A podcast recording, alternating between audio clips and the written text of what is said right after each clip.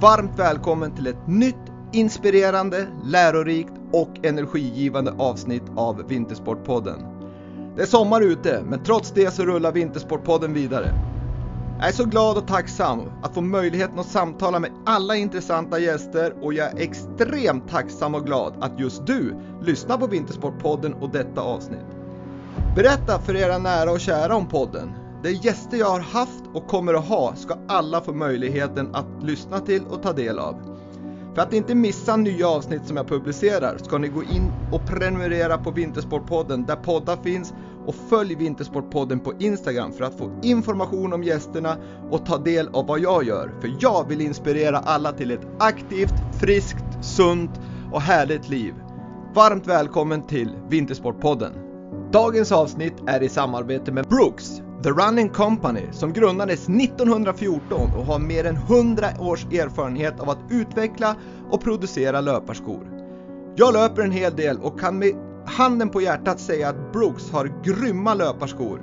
Oavsett om du är elit eller motionär, springer på asfalt eller i skog och mark så har Brooks skor till dig.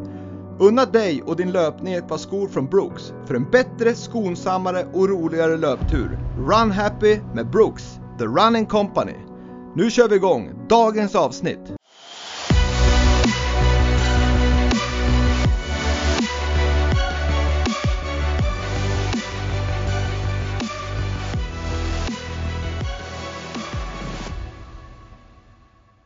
Dagens gäst i Vintersportpodden, hockeyspelaren som började sin karriär i Hudik Hockey och som via Mora, IK, Leksand, ungdoms och juniorlandslag samt kanadensisk juniorhockey blev till en av Sveriges och Skellefteå AIKs viktigaste och stabilaste spelare. Varmt välkommen till Vintersportpodden, Rickard Hugg!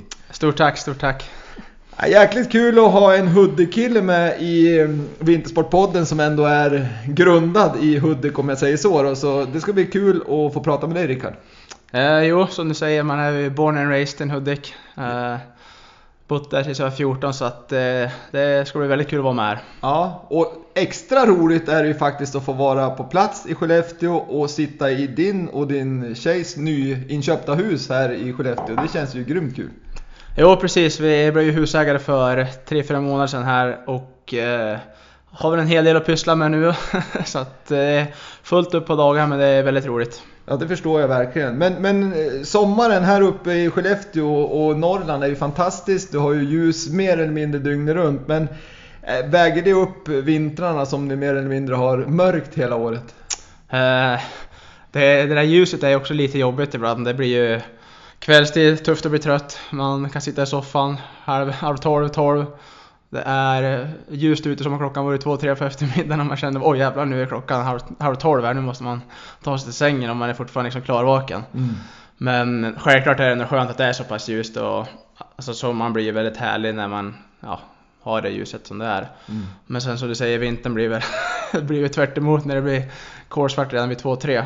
Jag förstår. Men... Men å andra det, sidan, då är ni ju i ishallen mestadels så att... Ja precis, då bor vi, bor vi i en ishall 24-7 ungefär så att det, det blir en bra mix ändå. Jag förstår det, men, men att vara här uppe i Skellefteå som, som hockeyspelare på sommaren måste ju vara grymt bra. Jag tänker liksom eh, att man får push i, i fysen och så vidare. För dels har ni ju naturligtvis ert eget SHL-lag, Skellefteå. Men sen har ni ju en hel del NHL-spelare här också som, som jag vet tränar uppe tillsammans, eller tillsammans med er, men i alla fall runt om er i gymmet och, och i de, de ytor ni har.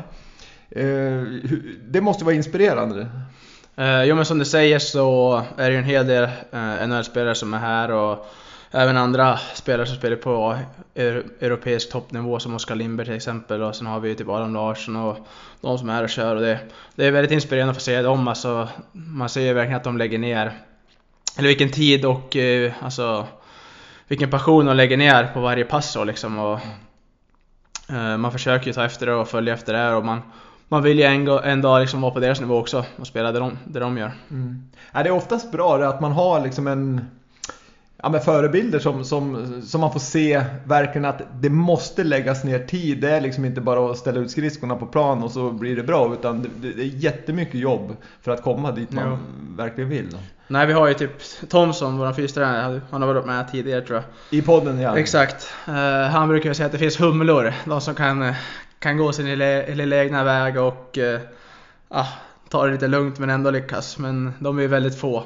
Ja. Oftast krävs det ju att man verkligen lägger ner jobbet och, eh, eller ja, jag skulle säga för 99,9% så krävs det att man alltså verkligen jobbar för det. Att man Ja. får liksom vad man, det man lägger in får man tillbaka. Ja men verkligen, för någonstans så eh, tänker jag att de, de där så kallade humlorna som Stefan Thomsson eh, hänvisar till, så det är ju väldigt få och ofta så har ju de någonting annat som är extremt starkt, någon, någon form av jättepsyke eller ja, fysiologisk A-person på något vis. Så att, så att, men, men de har ju någonting extra de också och oftast har de ju lagt ner jobb på någonting annat som man kanske inte ser. Ja, absolut, så, så kan det absolut vara.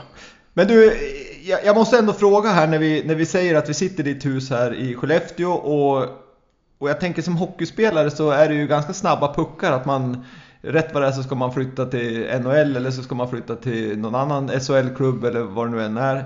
Hur, hur känner ni där när ni skulle köpa hus? Var det någon form av att du känner att du ska vara kvar i Skellefteå för alltid tänkte jag säga eller, eller är det bara för att känna att du får en stabilitet just här och nu? Eh, det var väl att eh, tjejen flyttar hit och vi kände att vi vill ha ett hem som var vårt eget. Eh, tidigare hade jag en lägenhet av AIK som liksom funkade väldigt bra för mig så, eh, inga problem. Men eh, när hon också kom hit så kände vi att vi vill ha något eget där vi liksom kan känna är vår trygga punkt. Som du sa, ett stabilt hem. Och sen som sagt, man, hockey kan gå fort. Vi, kan, vi kanske flyttar om ett eller två år liksom, det vet vi inte. Men Eh, Eh, vi kände väl ändå att vi ville ha det här som vårt hem då och säga att vi skulle flytta någon annanstans så har vi ändå allt det här stället dit vi kan komma. Vi kan ha våra grejer. Eh, vi behöver inte hålla på och flytta runt våra grejer i någon flyttbil så eller köra in dem hemma hos mamma och pappa hemma, i- hemma i Leksand eller sådana saker liksom. De, de kan få vara här. Ja men det, det, det låter som klokt om man har möjligheten att kunna ha ett hus så, så blir det ju en jag tror att helheten blir ju oftast bättre om man trivs där man bor och man känner harmoni liksom när man kommer hem så blir ju Ja men återhämtningen bättre och man kanske liksom kan prestera bättre på plan också. Jo, absolut. Alltså, om man trivs med sitt liv och trivs utanför isen så blir det, blir det oftast att det smittar av sig även på isen. Att det, ja, det går över till att det går bra där också. Så en lite rolig grej är att vi, när, vi väl, när Sofia väl skulle flytta hit så var vi och kollade på vi var ju och kollade på lägenheter också. Eh, så det första vi kollade på var en lägenhet på 65 kvadrat tror jag. Så slutade nu att vi köpte ett hus på 200 kvadrat istället. Med gård på 700 kvadrat eller vad det är, någonting sånt. Så det blev lite skillnad här mot vad, vad vi först kikade på. Ja men det är bra, då kan ni ta emot familjen i alla fall utan att behöva eh, känna att det blir för trångt. Det- Jo, alltså det var väl också någonting vi kände var skönt att när våra, våra alltså, familjer och vänner och så kommer och hälsar på så kan man liksom, man kan ha dem här, man behöver inte hyra något hotell eller att de ska bo någon annanstans. Det är bara smidigt att skicka in dem i gästrummet.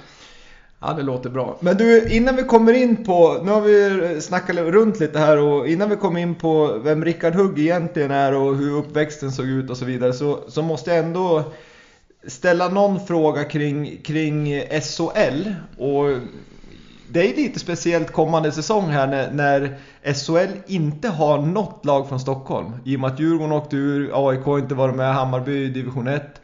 Hur, hur liksom, hur ser du på det? Är det en förlust för SHL att inte ha en Stockholms, ett Stockholmslag? Jag tänker på publikmässigt, för normalt sett när Skellefteå spelar Stockholm i, så brukar det vara väldigt mycket folk där och, och, och så vidare. Så att, förstår du frågan? Ja, jo, absolut.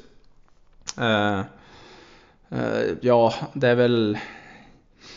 Jag tror inte det påverkar oss spelare jättemycket att vi inte har ett SHL-lag. Uh, sen som du säger med publiken är ju... eh, vi brukar ofta ha en väldigt bra alltså, bortapublik där i, på Hovet.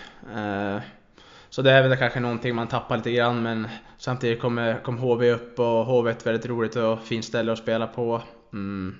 Jag själv personligen har oftast trivs väldigt bra i, i, i HVs arena. Mm. Eh, ofta gjort många bra matcher där. Så att personligen känner jag väl inte att det är något jätteavbräck att eh, det inte finns något Stockholmslag men ja, det är väl ändå lite tråkigt kanske. Ja, så kan det ju bli. Men, men eh, som sagt var, HV är också ett, ett lag med lite kultur och, och, förmodligen bra stämning och så vidare. Men, men jag tänker en annan fråga som jag har kring SHL, det är ju att hur ser man på, på SHL som spelare? Det är ju typ 52 omgångar i grundserien och sen kommer slutspelet. Blir det liksom varje match, är du lika taggad för varje match eller blir det liksom en lunk som, ja nu var det match igen i Rögle eller i HV eller vart det nu är ni ska liksom? Uh, nej men jag skulle ändå säga att uh, man taggar ju verkligen till till varje match och uh, en grej som man kan alltså, dra nytta av är att det finns många viktiga poäng att hämta i, i början av serien. Mm. Alltså där i så den så kallade serielunken i oktober, november där. Uh, det är ofta ganska mörkt ute och ja, det är, livet kanske inte leker alla gånger då.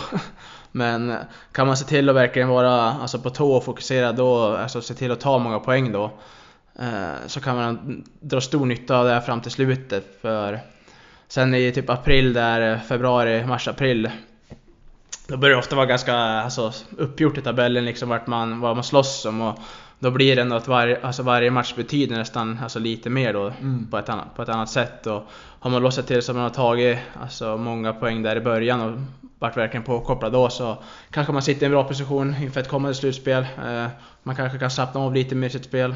Sådana saker så att mm. det är väl någonting man kan ta med sig men, lunken. Ja, det förstår jag ju. Man måste ju någonstans ändå på de här 52 omgångarna måste man ju liksom hitta någonting hela tiden. Och, och, jag tänker liksom i början så är det som du säger kriga för poängen. Men, men har ni liksom som lag en målsättning? Jag förstår att ni har en målsättning att vinna SM-guld. Men är första målet att vinna serien? Är det viktigt för er att vinna serien så att man har hemmafördel hela vägen? Uh, som du säger så har vi delmål. Uh, eller det sa jag kanske inte, det var jag som sa det nu men vi har absolut delmål under säsongen liksom. Vart vi vill ligga kanske i första landslagsbreaket, vart vi vill ligga vid jul. och så sen, alltså självklart har vi som mål att sluta så högt som möjligt och försöka vinna, vinna serien för att hemmaplansfördel gör ändå så pass stor skillnad. Mm. Ja, verkligen. Det är ju liksom, det kan ju vara, det är ju verkligen skillnad på om man alltså vinner en slutspelserie eller förlorar en slutspelserie kan det vara. Man kanske tänker som utomstående att ja men vadå, det är ju match som match, hemmaplan är alltså hemmaplan, bortaplan i spelande hockey.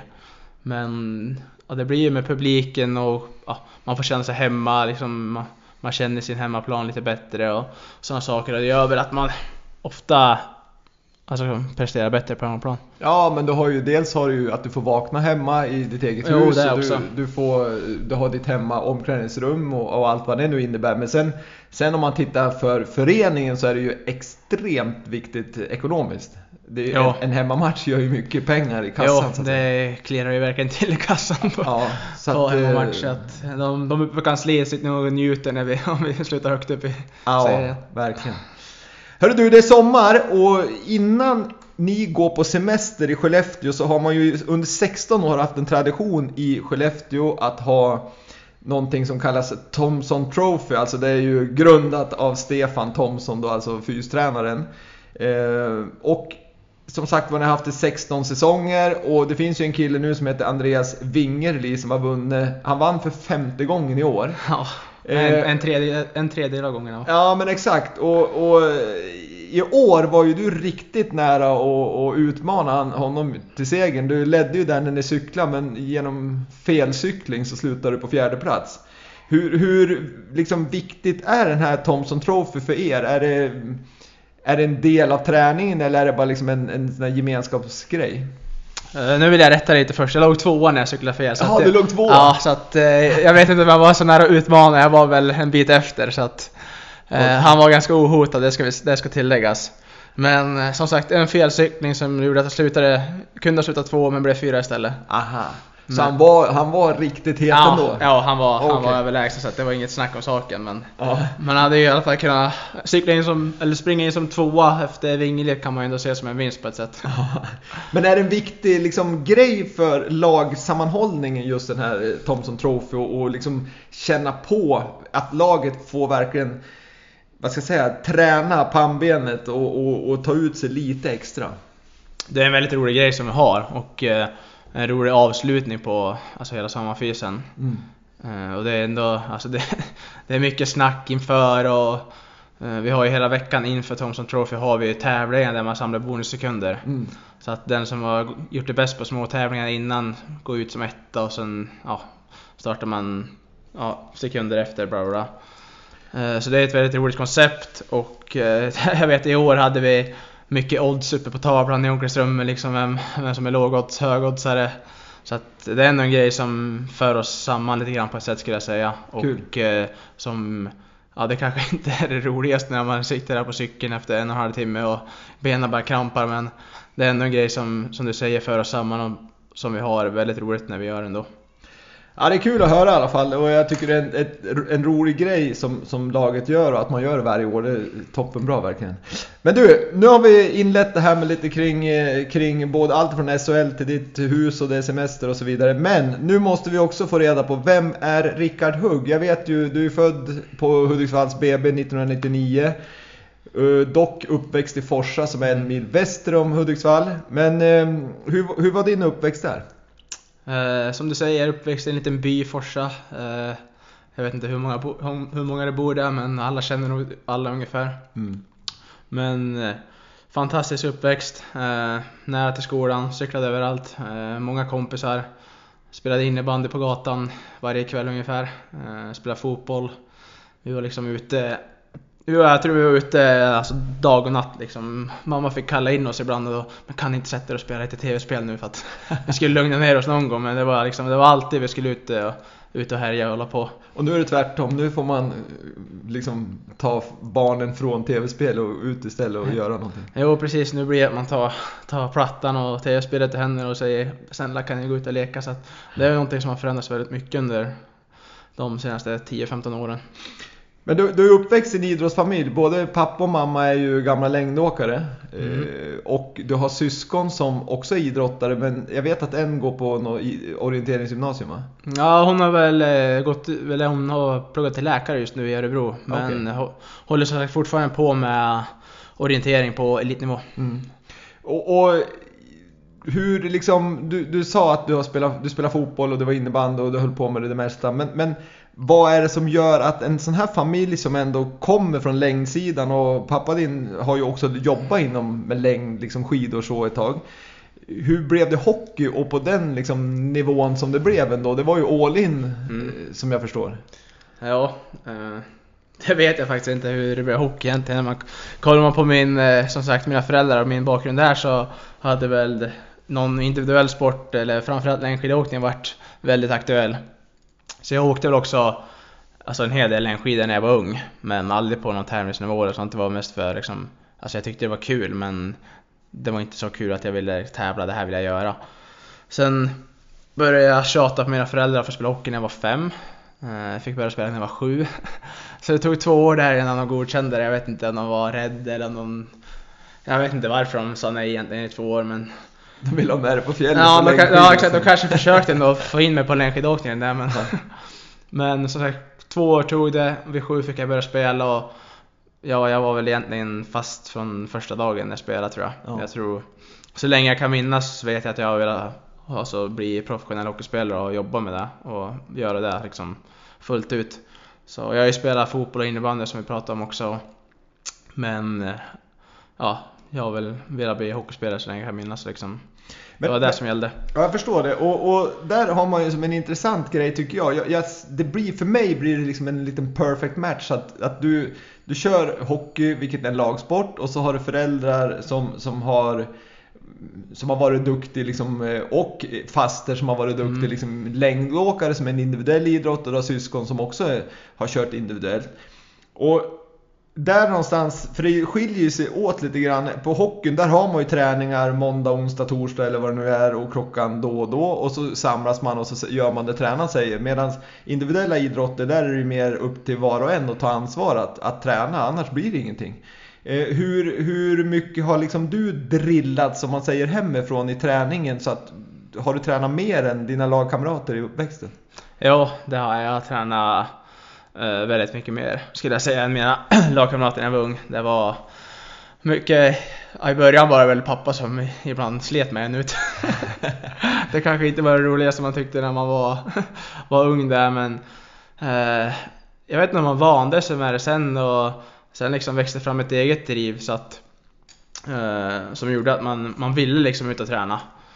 Eh, så det blir liksom, ja man tränar mycket med laget men sen hade man ändå en, del, en hel del pass utöver det som man körde med liksom individuellt och mm. Eh, med stor hjälp av pappa. Han har ju som sagt varit väldigt träningsintresserad, han har ju åkt längdskidor och eh, när han la av med det så har han väl ändå hållit på med typ sport och idrott i princip hela livet och extremt träningsintresserad och jag vet inte, han har väl, jag vet inte hur många hur många tusenlappar han har lagt på träningsredskap men det, det finns ju hemma finns det, det finns spinningcykel, det finns roddmaskin det finns stakmaskin, det finns säkert fem olympiska stänger, det finns viktplattor för ett ton och medicinbollar och kettlebells och allt möjligt, alltså you name it. Ja. Det skulle inte vara liksom, förutsättningar skulle finnas? Förutsättningar skulle absolut finnas och det sa han bara för någon, för någon dag sedan när vi var hemma nu på semestern. Uh, I och med att han, han är utbildad snickare. Mm. Och uh, det är så händigt nu när vi har köpt hus att han är där och kan hjälpa oss liksom han kommer hit nu och ska hjälpa oss att bygga en altan. Uh, men sen är det liksom bara ett uh, Facetime-samtal bort liksom för att få hjälp. Men då sa jag det här bara, ja men typ så här. Det var ju synd att du fick en son som har tummen mitt i handen här nu när man ska vara lite händig med hus och grejer. Uh, och så sa väl mamma, säger mamma vid matbordet bara Jo men det är ju för att pappa aldrig har lärt, låter dig göra någonting. Han, han ska ju göra allting själv så. Ja. Och så säger pappa bara Jo men jag tänkte att du, ska ju, du kan ju träna och vila så sköter det andra så får du fokusera på det bara. ja men, ja, men och det, jag, jag, känner ju din far lite grann och det är väl som jag känner han också att, ja. att eh, Ja, det ska finnas förutsättningar och sen är han ju, i och med att han är duktig själv så, så har han nog drivet och tycker många andra gör saker och ting lite för långsamt. Jo, så är det absolut och han har ju som sagt, som jag sa, han har ju, eller hela min familj, men ja, framförallt pappa också har vi, alltså, hjälpt mig fantastiskt mycket. Så mm. Det är något jag är otroligt tacksam för idag, mm. att eh, han har gjort och jag hade nog inte kanske varit på den här nivån eh, och spelat det jag spelar idag om det inte hade varit för pappa. Nej, för jag har ju sett han nere i ishallen Hudiksvall där när du var eh, barn tänkte jag säga. Då var han ju väldigt engagerad i laget också som materialförvaltare och eh, han blev ju till och med så intresserad så han började ge sig på ge sig på att stå i mål själv med veteranerna där och gick all in för det ett tag. Jo, det blev en fyraårig, fyraårig karriär där från 40 till 44. Ja, precis.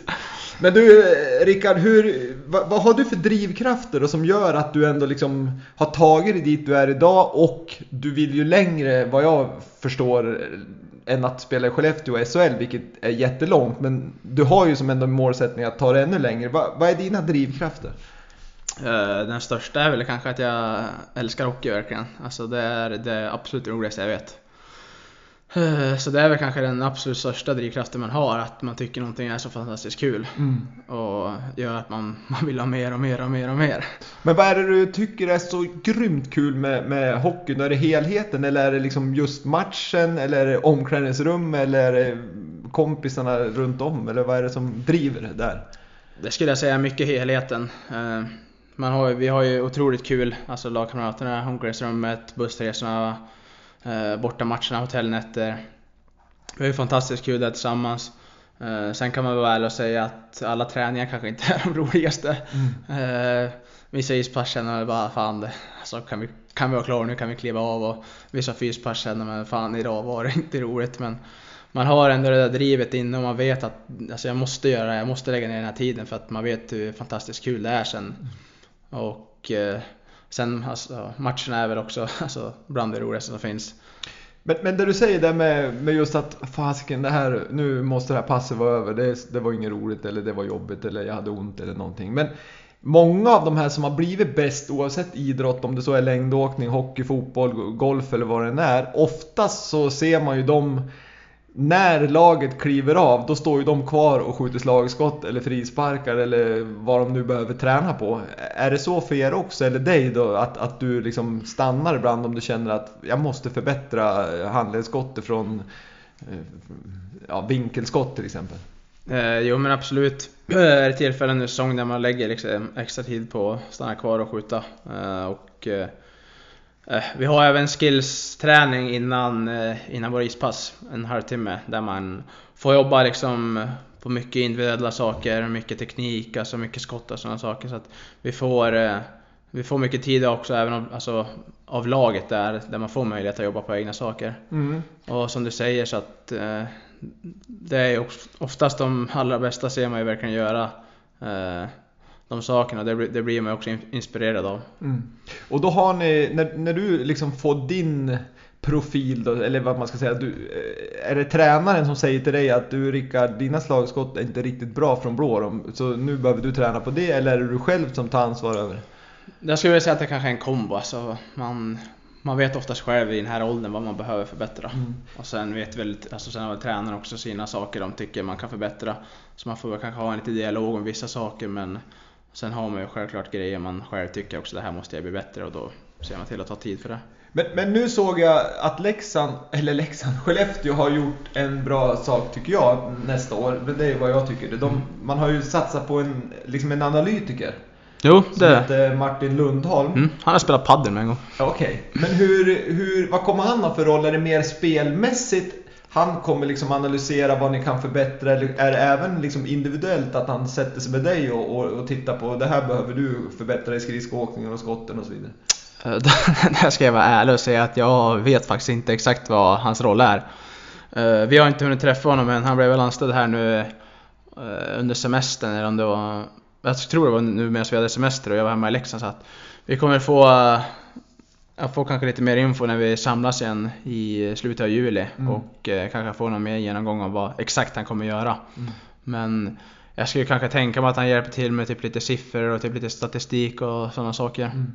Men, men, men, det är ju en, jag tycker det är en bra, härlig utveckling att, att man liksom tar det här um, steget att, att försöka hela tiden analysera vad som kan bli bättre på plan, eh, individuellt, eh, säkert även hur, hur eh, tränarna coachar och så vidare. För det är ju en stor del och det är ju helheten som oftast gör resultatet. Jo, exakt. De, man försöker väl vinna liksom, eller tjäna varje procent man kan få kan man bli en eller två procent bättre med en analytiker så, så eh, vill man ju självklart ta, ta den möjligheten. Mm.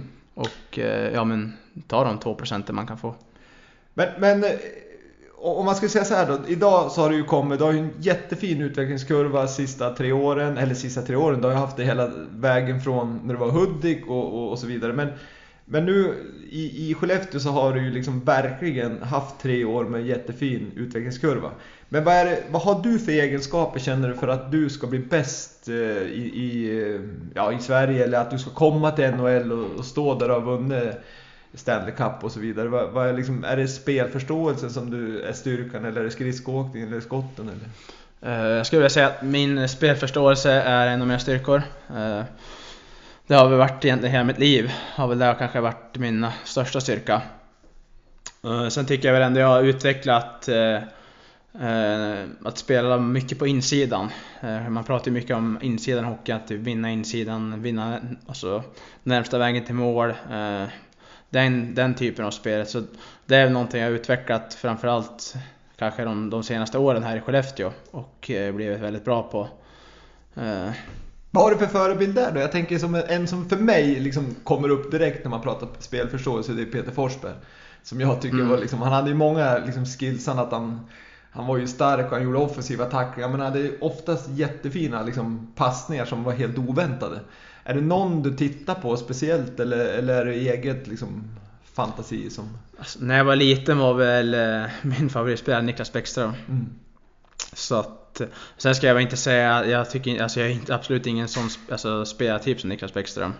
Uh, han är ju verkligen en playmaker så medan jag är alltså inte playmaker på det här samma sättet.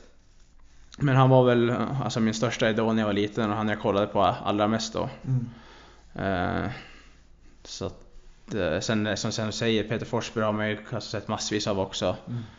Uh, men det blev kanske Niklas Bäckström bara för att han var alltså verkligen slog igenom när man själv var alltså 10, 12, 13 år där.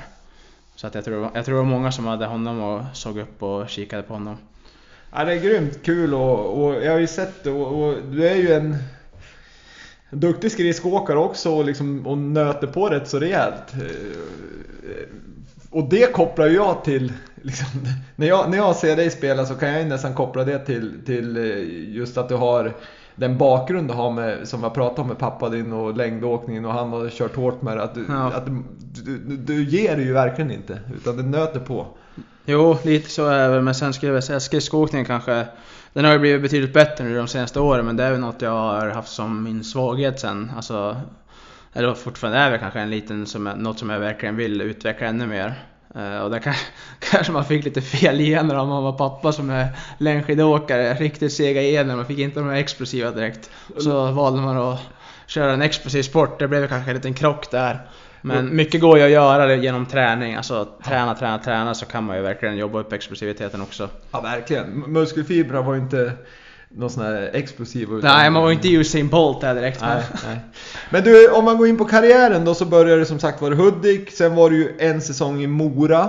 Eh, och sen var det ju några säsonger i Leksand för att sen åka till Kanada och spela juniorhockey där i Kitchen, Kitchener mm. Rangers. Och så sen då 2019 så drog du till Skellefteå och spelade SHL. Men det intressanta här tycker jag, det är ju liksom Du var i Hudik Hockey och redan som, eh, ja vad var det då, 14 år så drog du till Mora.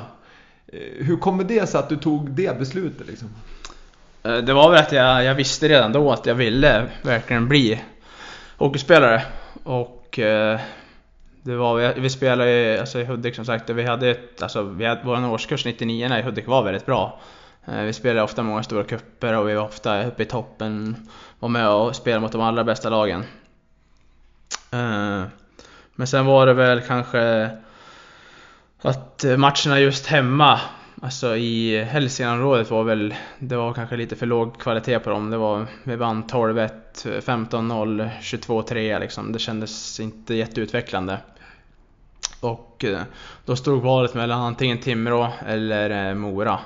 Och till Timrå skulle, om det skulle bli Timrå hade jag väl pendlat dit då tror jag. Men sen nu, så att jag var där först och kikade och provtränade ett par gånger och snackade med dem. Och de var väl väldigt alltså, sugna på att jag skulle komma. Men eh, sen fanns det även Mora och eh, i Mora bodde min mormor. Jaha. Så jag var även och provtränade med Mora och fick en väldigt bra känsla där. Och att min mormor gjorde där, eller bodde där, eh, gjorde stor skillnad. Eh, det var kanske var väl det som vägde in att jag blev Mora istället för Timrå där. För jag tänker som 14-åring är det tufft att flytta själv. Ja, och är... även jobbigt att pendla, även om ja. man, liksom, föräldrarna ska skjutsa en så... Ja, det, ja, det var väl det som kändes bättre att verkligen bo där istället för att sitta och pendla. Även om Timrå och Hudik är relativt nära så Sundsvall. Så är det ju ändå... Ja, en timme dit och en timme hem minst med tåg. Mm. Så att det blir sin lilla tid där. Och då att få flytta till, till Mora och bo hos min mormor där gjorde ju saken väldigt mycket lättare mm. och underlättade ju extremt mycket. Jag förstår det. Men, men, om, om du skulle liksom gå tillbaks till den tiden, jag förstår att då kanske du liksom hade en syn, men nu har du ju fått ganska många år och reflektera över vad, vad, som hände då. Men vad saknar du, liksom, du, du i moderklubben i, i Hudik och hur skulle du säga till ungdomar som är i samma situation idag? Eh, för, för, jag menar, det är en sak om moderklubben, de kan ju ha en bra verksamhet men möter man lag och man vinner med 15-0 varje gång så, så då är det ju svårt ändå liksom. Jo. Eh, nej men som du säger, det var väl Alltså jag, jag har inga hard feelings mot Hudik så, det var inget som, Hudik hade ingenting att göra med att jag flyttade. Det var Nej. bara att jag eh, jag ville spela hockey på en högre nivå och eh, när jag flyttade till Mora så fick jag spela hockey på alltså U16 Elit. Mm. Och eh, ja, men spela mot de bästa lagen. Vi spelade liksom, ja, I slutet av säsongen var det liksom SM-slutspel. Så det blev att man fick verkligen spela hockey på den bästa nivån som fanns då i, för den åldern. Så det var, det var bara det som gjorde att jag valde att ta det beslutet. Så att ungdomar i samma situation får väl, man får väl känna efter vad som är bäst för en själv liksom. Det som funkade för mig nu kanske inte alls funkar för någon annan. Det där får man ju känna helt själv vad, vad som funkar. För mig var det bäst att komma dit och eh, det viktigaste grejen var att jag fick bo hos min mormor så att jag mm. bodde med någon alltså, som kunde ta hand om mig lite så. Även när man är 14 så är man ju väldigt ung. För det är ju viktigt att man, som, ja men för att du ska utvecklas så måste du ju få kosten och sömnen och, och så vidare och då, då är ju liksom ganska bra som 14-åring att ha en vuxen och... Jo, jo exakt. Det är svårt att svårt att laga mat och tvätta och städa och Ja sova och hinna med läxor och allting där när man är 14 och går i skolan och det är fullt upp med allting. Men, men när ni satt där och pratade om det här och du och din familj, hade ni då en tydlig plan att nu, nu kör vi det här och så kör vi Mora ett år och sen blir det Leksand hockeygymnasium om, allt, liksom, om allting går som det ska? Eller var det bara nu tar vi ett år i taget? Uh, ja, det, det var väl eh, lite ett år i taget men det fanns ju även Det fanns ju även planer på att uh, när jag väl gick till Mora så öppnade ju dörren för att gå hockeygymnasium där till, alltså den stod ju väldigt öppen då. Mm. Och det hade väl Mora också förhoppningar om när jag kom att jag även skulle fortsätta på gymnasiet där. Mm. Eh, Men sen när, efter mitt första år i Mora och eh, ja, det gick ju, det gick ju alltså väldigt bra skulle jag säga i Mora. Eh, Så att då var det ju dags för hockeygymnasium och ja, det var väl Jag hade väl lite olika klubbar jag funderade på. Det var som sagt Mora såklart. Leksand var intresserade, de var i närheten. Eh, Jag har varit, jag har varit mycket här i Leksand när jag var barn i och med att Eh, Min eh, morfar bor i, eller bodde i Mockfjärd och min mamma är född där. Så ofta när vi var, var och hälsade på morfar under vinterhalvåret så var jag även med och tränade med Leksand ett par gånger Mm. som ung. Så att den fanns ju en liten väg in där. Sen har jag varit brynäsare hela mitt liv. Eh, hållit på Brynäs ända sen, sen jag föddes. Jag, vi har någon bild när jag kanske är några månader gammal med en Brynäs-tröja på. Så då var vi även lite intresserade av att höra liksom, vad Brynäs sa. Men sen gick jag i skolan med de som är ett år äldre. Mm. Jag gick inte i sexan, den klassen hoppade jag över. Jaha.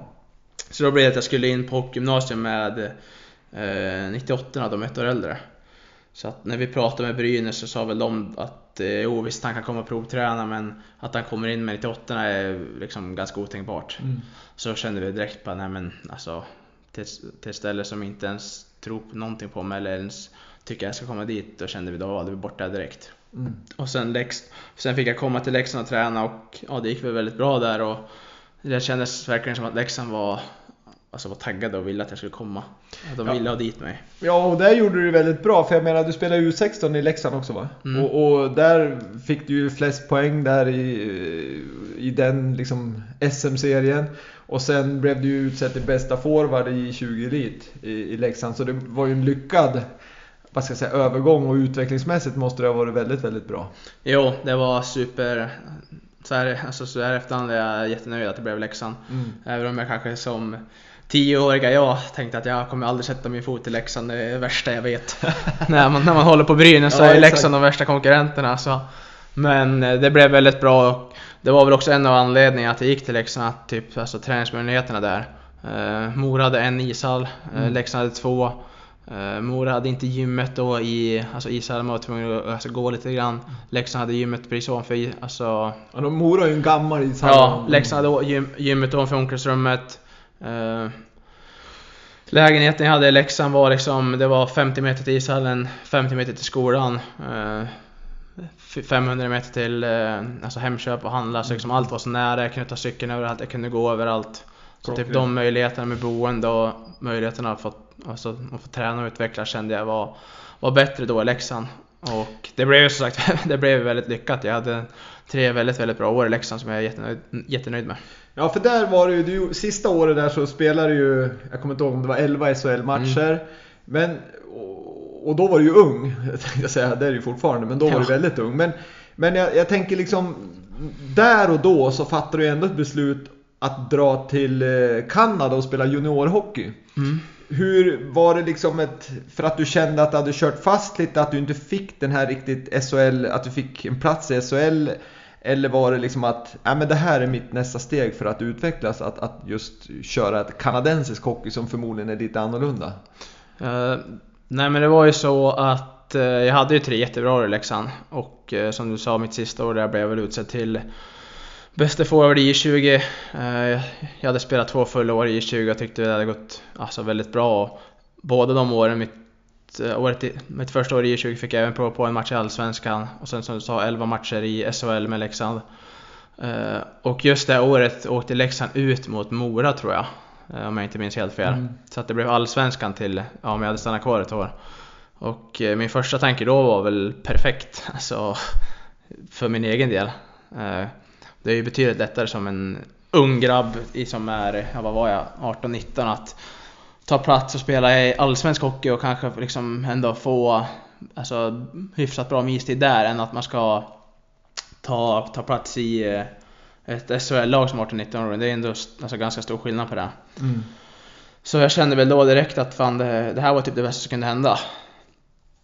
Uh, och så sen ja, pratade vi med Leksand och jag sa väl typ att ja, ja alltså, jag känner väl att jag har spelat J20 Hockey här nu i två fulla år och det har gått väldigt bra. Jag känner att jag, jag har fått prova på SHL eller A-lagshockey båda åren och vill liksom ta det klivet nu och fortsätta alltså, spela lite mer A-lagshockey. Och Leksand satt väl på eh, säkert 14-15 forwards under kontrakt då. Mm. Eh, och de sa väl att Eh, jo, vi, vi, vi, du kommer ju vara med här och spela och så, men vi vill att du ska spela så mycket hockey som möjligt och om det är A-laget eller om det är nere i J20, det, det vet vi inte nu.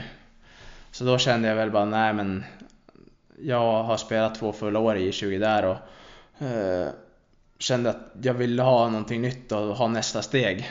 Och när Leksand inte kunde liksom säga vad, alltså jag vet inte, det kändes bara som att... Inte riktigt garanterat? Nej, och sen Leksand, jag vet inte, ja... Nej, det det blev, lite, det blev lite fel där kände jag med, med Leksand. Att, eh, så då kände jag att eh, alltså, något annat som, som jag har tänkt på typ så här hela min karriär kanske har varit ändå, alltså spela på, borta på andra sidan juniorhockey, men det har kanske mer varit ett, en dröm som jag inte trodde jag skulle göra, mm. men som helt plötsligt öppnades dörren för att göra. Och eh, då kände jag att det, det verkligen var rätt steg och jag fick som sagt, det blev inte seniorhockey, men det blev en, en ny juniorhockey på en högre nivå än vad J20-hockeyn är här i Sverige. Var det skillnad på liksom juniorhockey där och här? Jo, det, det skulle jag säga. Mm. Framförallt de bästa lagen, de är väldigt, väldigt bra där borta. Mm. Sen de, alltså bottenlagen är väl, alltså, ja kanske J20-nivå, men de bästa lagen är ju liksom, de består ju bara av nästan bara alltså JVM-spelare. Mm. Ja, det så, så det är liksom, och det är en hel del spelare som går direkt därifrån in och tar plats i NHL. Mm. Så att nivån på hockeyn där borta är högre. Absolut. Och den har också liksom utvecklats. Jag kan tänka mig precis som NHL har gjort så var det ju liksom 20 år sedan så var det ju mer eller mindre en slakt ute där. Mm. Och nu är det ju väldigt fin hockey och man liksom, du gynnas ju som tekniker. Var, var det lika där eller var det åkte man runt och skulle imponera på scouterna och slåss och hålla på juniorhockeyn? Självklart finns det spelare kvar som spelar den typen av hockey också men det är ändå en väldigt alltså, bra, bra hockey där borta. Alltså, mm. Och spelat i OHL också som jag spelar i. Eh, mycket, alltså mycket spelskickade spelare. Eh, väldigt bra hockey liksom allround. Även alltså, extremt duktiga försvarare, tuffa försvarare och sådana saker. Så att, hockeymässigt var det väldigt bra tycker jag. Härligt! Och då fick du ju den liksom, utveckling du hade hoppats på när du åkte dit, vilket var jäkligt bra. Men sen då när du 2019 hade avslutat säsongen där, då gick du till Skellefteå eh, och sen dess har du ju spelat i SHL. Eh, du har gjort tre säsonger nu med Skellefteå där du första säsongen gjorde 13 poäng, andra säsongen 17 och sista nu 2021-2022 gjorde du 40 poäng. Och gjorde verkligen, i mina ögon sett så har du ju liksom gått ifrån ja, men en, en, en ung spelare som, som eh, gjorde de här 13 och 17 poängen till att vara en väldigt etablerad och viktig kugge i lagbygget för Skellefteå. Hur, hur ser du själv på, på det jag säger? Uh, som du säger så kommer jag ju till alltså, SHL när jag har spelat tre år här nu och mitt uh, första år var väl kanske lite som mitt första år borta i Kanada. Uh, det var, det var ganska tufft. Mm, mitt första år borta i Kanada var också så att jag kom dit och jag vet inte riktigt vad jag hade för förväntningar så men det gick inte det gick inte liksom rakt, alltså spikrakt uppåt. Det gick lite knackigt och sådana saker. Sen hade jag en väldigt bra avslutning. Eh, och det var väl lite, lite samma sak första året i Skellefteå också att jag kanske kom in och hade lite för... Eh, jag trodde nog det skulle gå bättre än det gick. Eh, jag kanske inte var tillräckligt ödmjuk när jag kom in första året.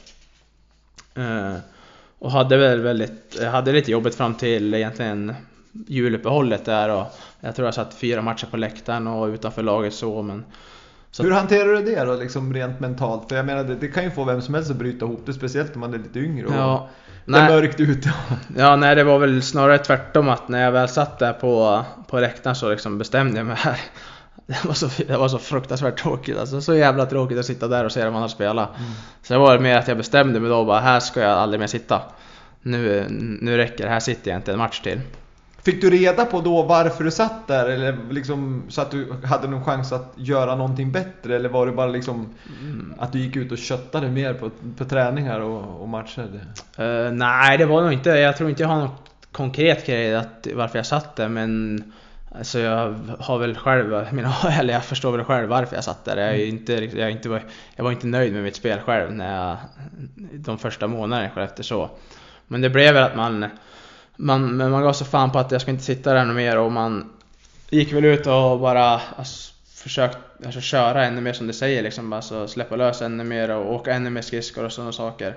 Och ja, det, till slut började det släppa lite grann och egentligen från februari och framåt mitt första år så tycker jag det gick, eh, det gick det bra. Det var jag väldigt nöjd med, med mitt spel. Mm.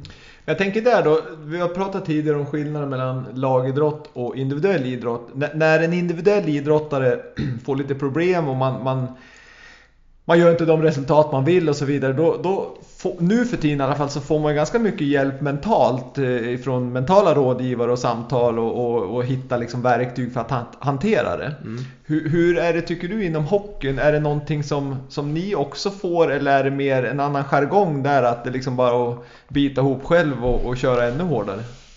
Eh, Jag tror det kan vara lite den jargongen att man biter ihop och kör ännu hårdare. Men samtidigt vet jag också att det är många som har mentala rådgivare som pratar med dem. Och det, jag har även haft det som tank, alltså det har varit uppe i mina tankar och egentligen kanske mitt första år där borta i Kanada, då hade jag faktiskt en som jag pratade lite grann med också. Eh, Men även här mitt, eh, mitt första år i Skellefteå att kanske alltså, ta hjälp av någon sån mental rådgivare. Eh, Men sen, eh, ja, sen blev det väl att det började gå bättre och ja, då tänkte jag väl inte mer på det och sen har det väl, har det väl gått, gått bra sen dess. Mm. Men jag vet att det är, många, det är många som jobbar med det och eh, de säger att det är väldigt bra så att jag tror det börjar komma in mer och mer även i eh, hockey som är en lagsport. Absolut. Ja, för jag tror, jag tror ju på, på, på just eh, kombinationen. För man tränar jättemycket teknik, man tränar jättemycket fysisk träning och, och någonstans så, så kan man hantera det mentala. Då, då får du ut mer av det du faktiskt har fysiskt också. Så att Mm. jag kan ju tänka mig ändå ett fullsatt eh, Skellefteå Kraft Arena här och, och, och det börjar vara semifinal eller final. Då, då kan du ju få vem som helst att få lite svaga knän och lite prestationsångest och så vidare. Så att då gäller det att hantera liksom, situationen. Jo, absolut är det så.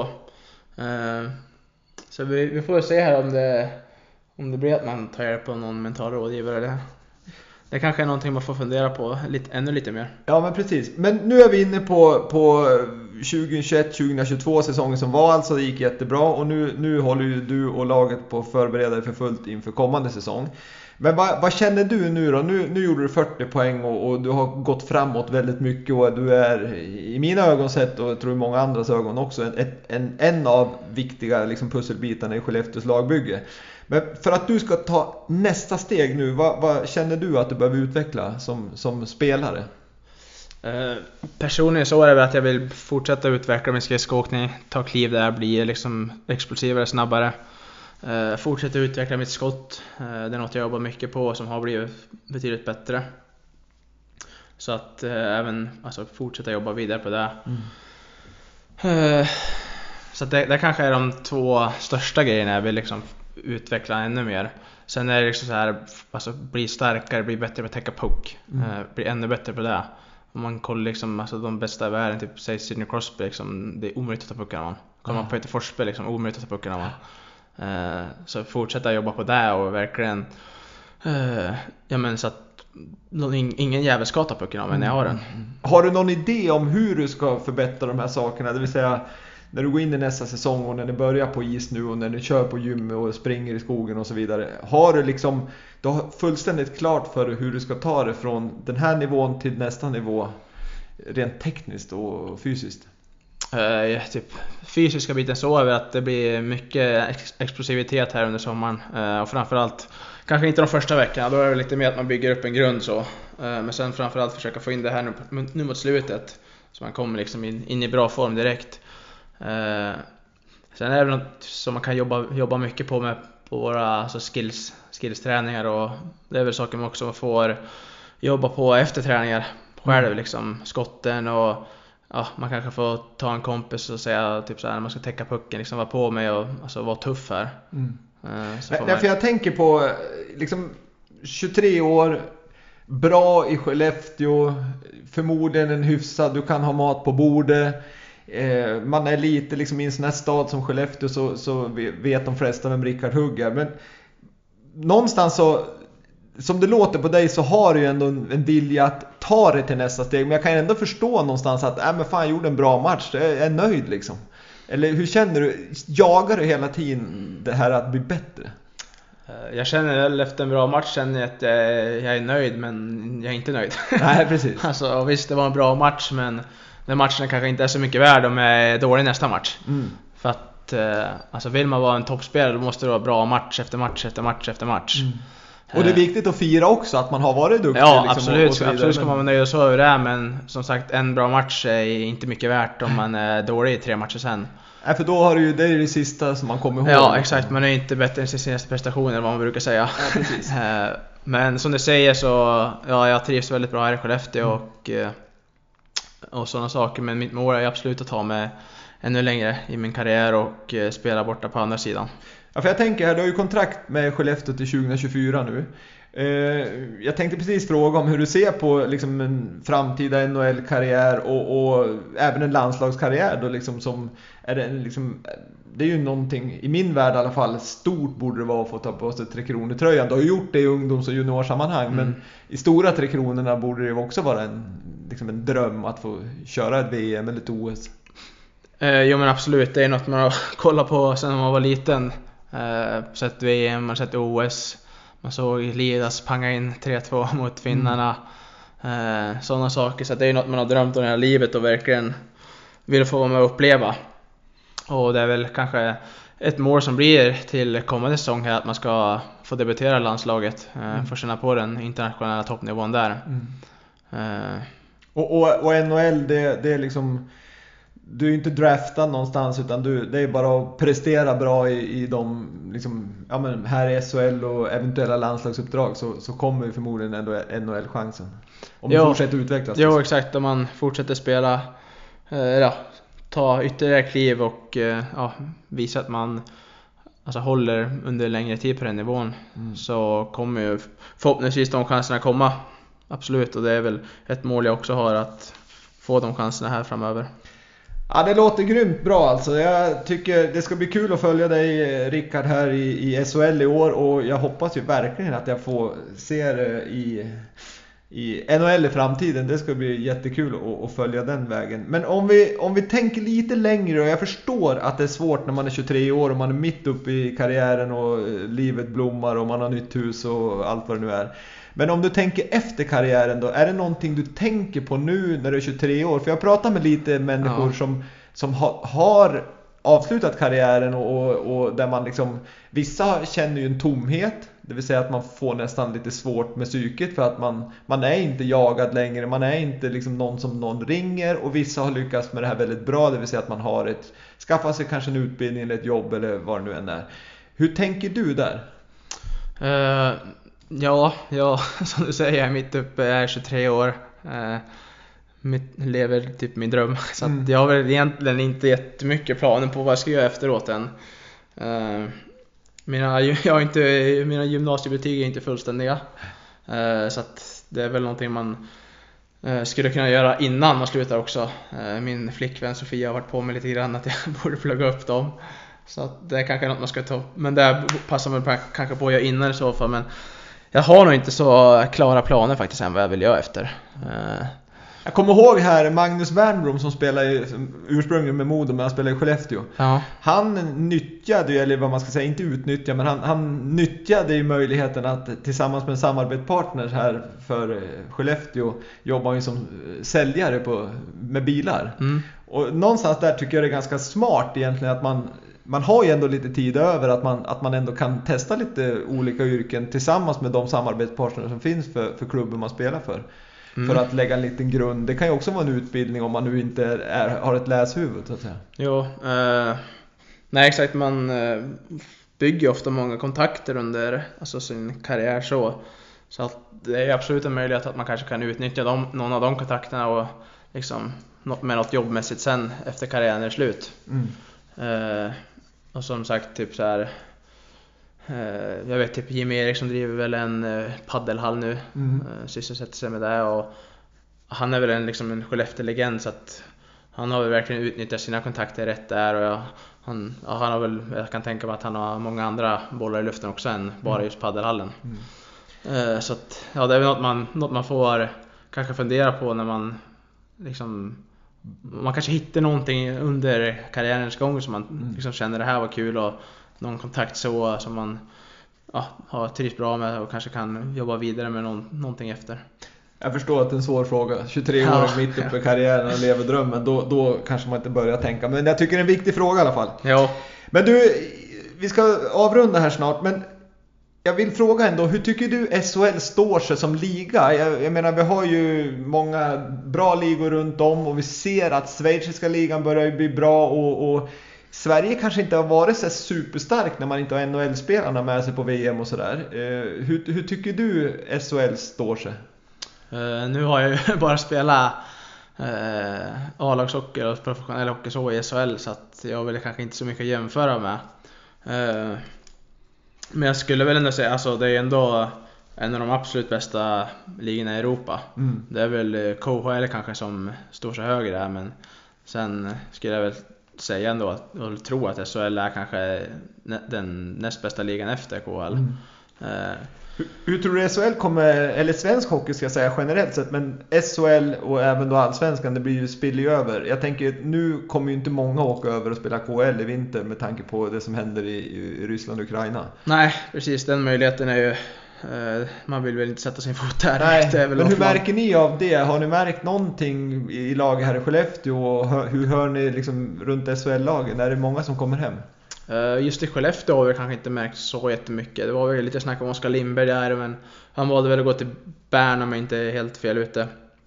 Men man, man ser att han, alltså vissa andra lag har ju verkligen alltså, värvat några spelare som förmodligen hade varit i Ryssland annars. Mm. Eh, Och när det alternativet försvinner så ska det ju Jag vet inte hur många det är men det är ändå en hel del spelare som ska in antingen i Sverige eller Schweiz eller eh, Tyskland och typ alla de ligorna så Det är klart det blir Det blir en höjning på nivå. Alltså Mm. det kommer ju bra hockeyspelare som vill spela hockey på en bra nivå och då är ju som sagt SHL ett väldigt bra alternativ. Mm. Så att eh, det kan nog bli, eh, bli en väldigt bra liga nästa år. Om man, jag vet Timrå har väl fått hem både Vedin, Emil Pettersson och Anton Lander liksom som alla tre kanske hade spelat borta i Ryssland i andra fallet. Så att, Ja, det kommer nog bli bra. det kan nog bli väldigt hög nivå på hockey nästa år. Roligt också. Och eh, innan vi drar sista frågan som jag ställer till alla som är med i Vintersportpodden så tänkte jag höra med dig om en drömfemma, om du skulle få sätta ihop din drömfemma där du är en av dem. Eh, vilka andra fyra spelare, eller fem då med målvakten, skulle du välja? Är det här liksom en all time eller är det typ så här- Nej, men lite tycker jag. Ja, i och för sig så tycker jag det är en all time, alltså med, med spelare som du kanske har sett upp till och, Ja. och sett på TV och så vidare. Så de, de fem bästa spelarna du känner eh, spelar hockey, har spelat hockey eller spelar? hockey? Eh, nu blir det ju liksom bara superstjärna här i NHL. Ja. Men jag får väl säga Niklas Bäckström som var min stora idol när jag var liten. eh, Som man såg upp på. Eh, Sen tyckte jag även om Sidney Crosby väldigt mycket. Mm. Så att, eh, de två är kanske inga speciella val. De, jag kan tänka mig många det kanske var lika. Skaplig lina att spela med de två, då, Ja, det åka med klubban, i isen. bara. Så gör man mål. Ja. Sen backar får man väl ta Niklas Lidström. Eh, och ska jag säga, vi ska ha en back till. Och en målvakt. Eh, vad har vi för favoritmålvakt? Mm. Alltså det, man skulle kunna ta Henrik Lundqvist, där har du ju en världsstjärna så. Ja, men jag tror nog Martin Brodeur, jag tyckte om honom när jag var liten. Ja. Extremt bra också. Och sen en back till. och så en till back. Du pratar om att täcka skott och, och så vidare och täcka puck. Vi måste ju få in någon, någon tuff då kanske, en rightare också. Vi har ju Lidström som är leftare, vi måste ha en rightback. vem ska vi ta som rightback då? Ja, nu kommer det inte upp några spelare alls här som är rightare men Eh, ha- Hade jag varit dig så skulle jag ha varit Börje Salming. Ja, jo Börje Salming. Jag har inte sett så mycket av Börje Salming egentligen. Jag är lite för ung för att ha koll på han. Men det var en hårding. Ja, det var ju, jo, exakt. Det var ju verkligen tuff. Men hur många är han? Han har ju Ja, flera hundra är i ansiktet. Ja, verkligen. Men eh, om vi ska ta en right back då så kan vi ta eh, Chris Letang. Kanske lite, lite speciell men... Ja, men det är en skaplig eh, femma. Då, då, Ja. du, du kommer göra poäng då. Då, Ja. då kommer du göra mer än 40 Ja, poäng. då blir det du mer än fick 40 poäng. Ja. Backa det där bandet och spela ihop med de Jo, där. verkligen. Ja, det är kul att höra Rickard Hugg och eh, mycket intressant att höra din resa från Hudik Hockey till, till att vara ett, en viktig pusselbit i eh, Skellefteå och SHL. Och du har även spelat juniorhockey i Kanada och, och du har ambitioner att liksom spela NHL framåt och, och även vara en kugg i svenska Tre Kronor. Det ska bli jätteroligt att följa det. Men innan vi slutar det här avsnittet så vill jag ändå ställa frågan som jag ställer till alla som har varit med i Vintersportpodden och den frågan är kort att besvara och den är ganska enkel. Okej. Kan du säga en framgångsfaktor för att lyckas med idrott? Att man har vinnarskalle. Helt rätt. Och, och vad är vinnarskalle för dig? Uh, att man, man vill vinna till eh, alltså varje pris. Man, man gör verkligen det som krävs. Att, som vi pratade om tidigare, att man, det kanske inte är så jävla roligt det intervallpasset man har på fredag liksom. Man kanske, fan vad jag längtat till helgen men Alltså någonstans i alla som håller på med typ elitidrott och som blir bra och eh, som även jag känner så vet man liksom Nej men fan jag biter i, jag gör det här nu och jag kommer ha nytta av det sen och jag kan njuta mycket av fredag eftermiddagen när jag är klar med det. Och så sen att man, vinnarskalle är väl också att man, ja, man gör liksom vad som, man ligger verkligen på gränsen. Är det så att man behöver fuska så är det nästan så att man fuskar för att vinna. Ja. Nej, men det är jättehärligt att höra dina tankar och jag, Willy Berlin och Vintersportpodden tackar dig Rickard Hugg jättemycket för att du delar med dig av din, din historia och dina tankar om framtiden och stort, stort lycka till med kommande säsong och framtida NHL-satsningar. Ja, tack själv. Superkul att få vara med. Tack, tack!